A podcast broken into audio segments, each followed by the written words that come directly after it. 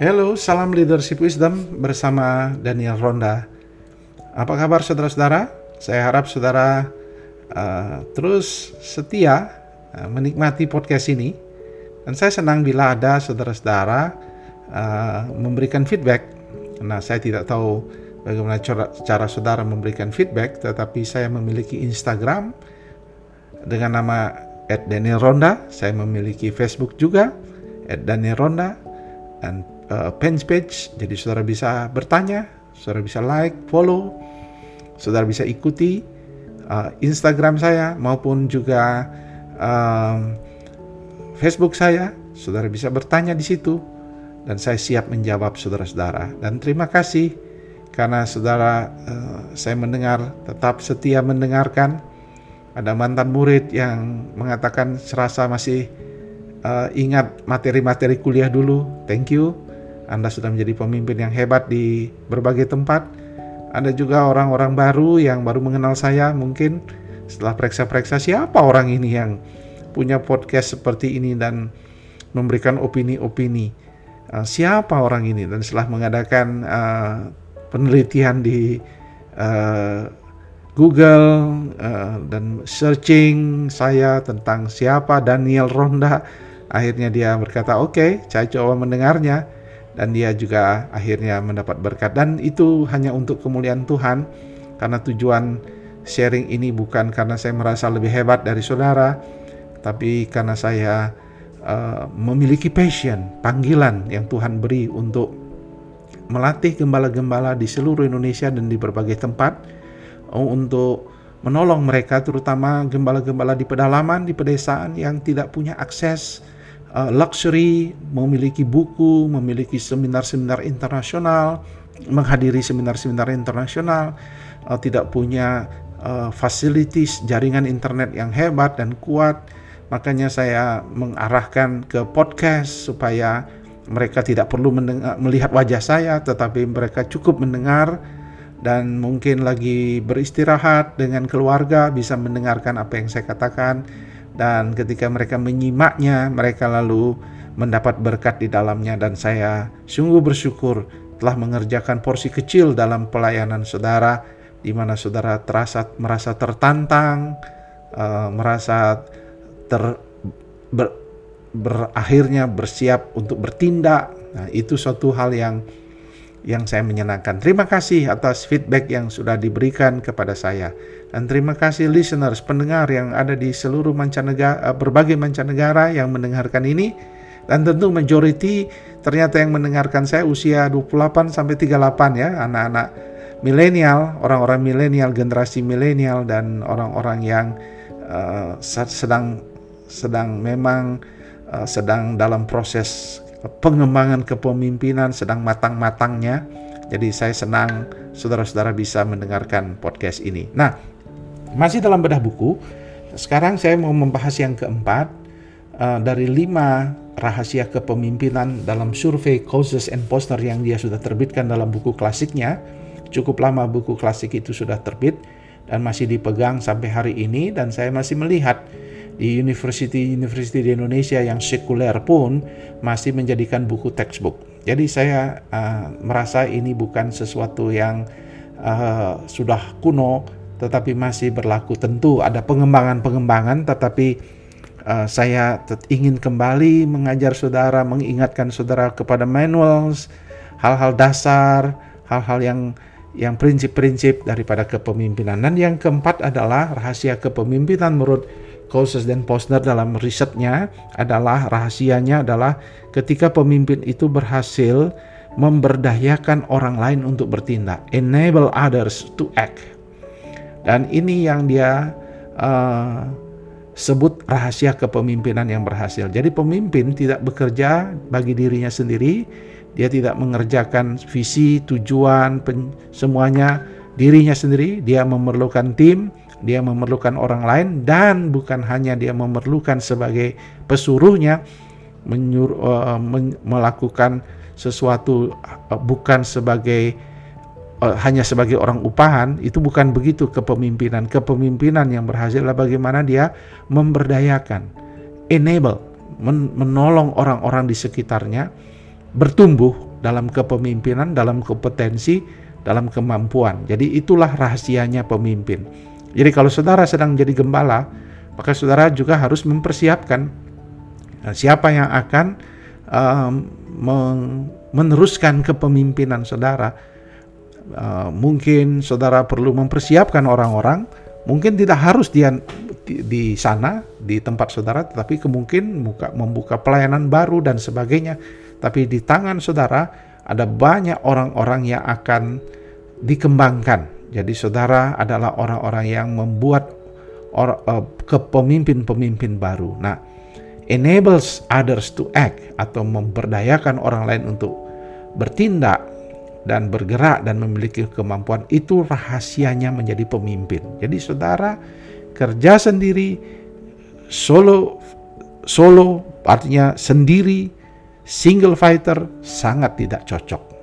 Anda harus berubah, Anda harus bertobat, Anda harus membuang si prinsip itu. Tapi saya Pak saya takut nanti saya disaingi. Justru ketika saudara merasa disaingi, saudara akan terpencil dan saudara kepemimpinan saudara semakin lama semakin lemah. Jadi saudara harus ingat itu. Ya, saudara harus ingat Oh, semakin lama semakin lemah kepemimpinan saudara bila saudara bekerja sendiri. Nah, apa yang harus saudara buat untuk memberdayakan orang lain? Apa cara-caranya?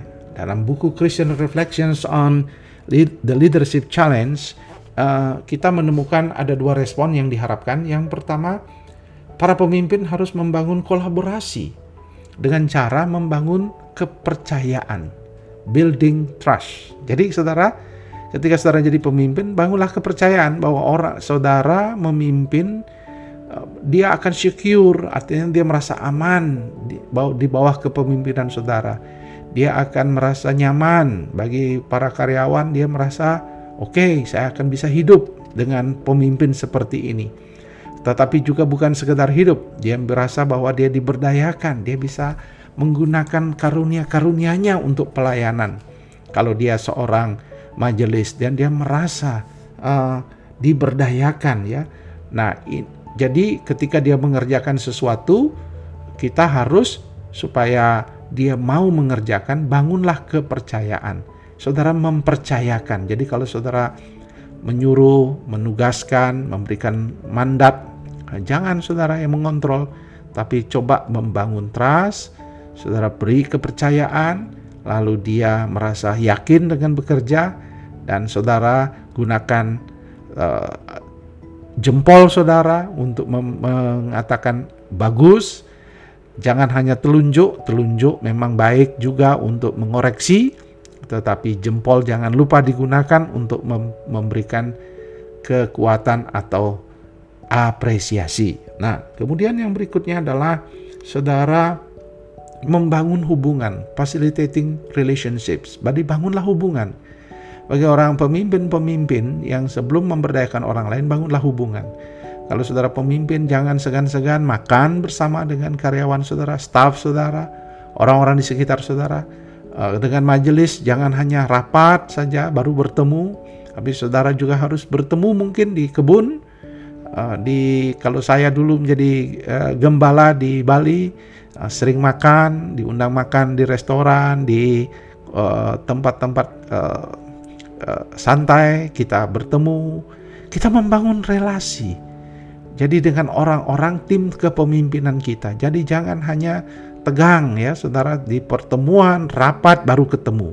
Jadi gembala-gembala coba jumpa dengan majelis, ajak minum kopi atau saudara ketika mungkin dia yang mengundang saudara minum, makan, terima ajakan itu untuk menceritakan visi saudara, menceritakan misi, menceritakan kinerja-kinerja, capaian-capaian dengan cara yang lebih rileks, santai, lalu menanyakan semuanya sehingga saudara membangun relasi. Nah, ini penting. Jadi saudara-saudara yang mau menjadi pemimpin, ciptakan itu. Jadi jangan tegang ya.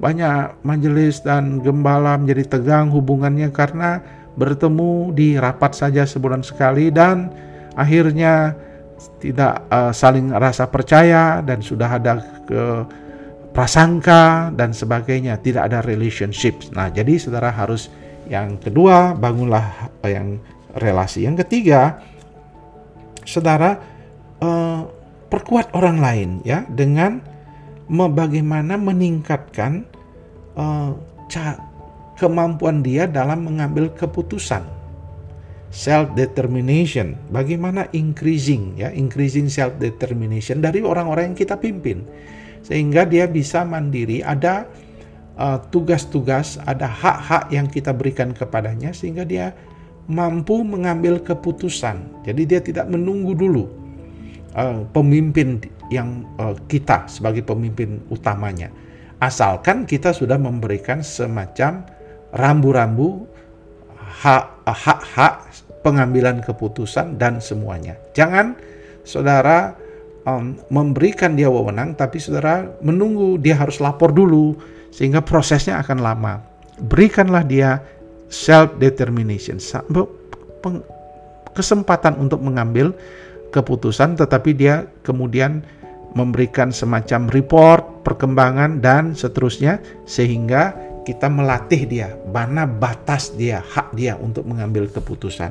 Kemudian berikutnya, bagaimana mengembangkan kompetensinya. Nah, ini yang paling penting juga dalam mengembangkan anak buah orang-orang yang kita pimpin, kembangkan kompetensinya.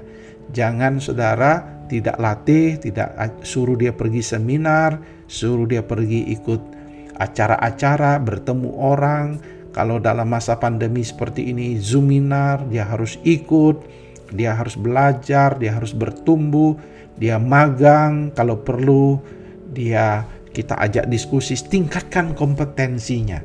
Jadi jangan tidak ditingkatkan kompetensinya sehingga uh, kalau dia tingkat kompetensinya bagus, maka kinerjanya diharapkan pasti akan bagus. Nah, ini yang rahasia yang keempat.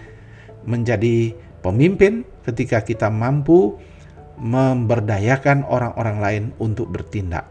Dan ketika saudara memiliki kemampuan memberdayakan orang dengan strategi yang saudara bangun, maka saudara layak disebut pemimpin yang sukses dan diberkati Tuhan. Kiranya Tuhan memberkati uh, bagian ini, tunggu bagian yang terakhir, bagian yang kelima menjadi puncak daripada bedah buku ini. Tuhan kiranya memberkati kepemimpinan saudara. Salam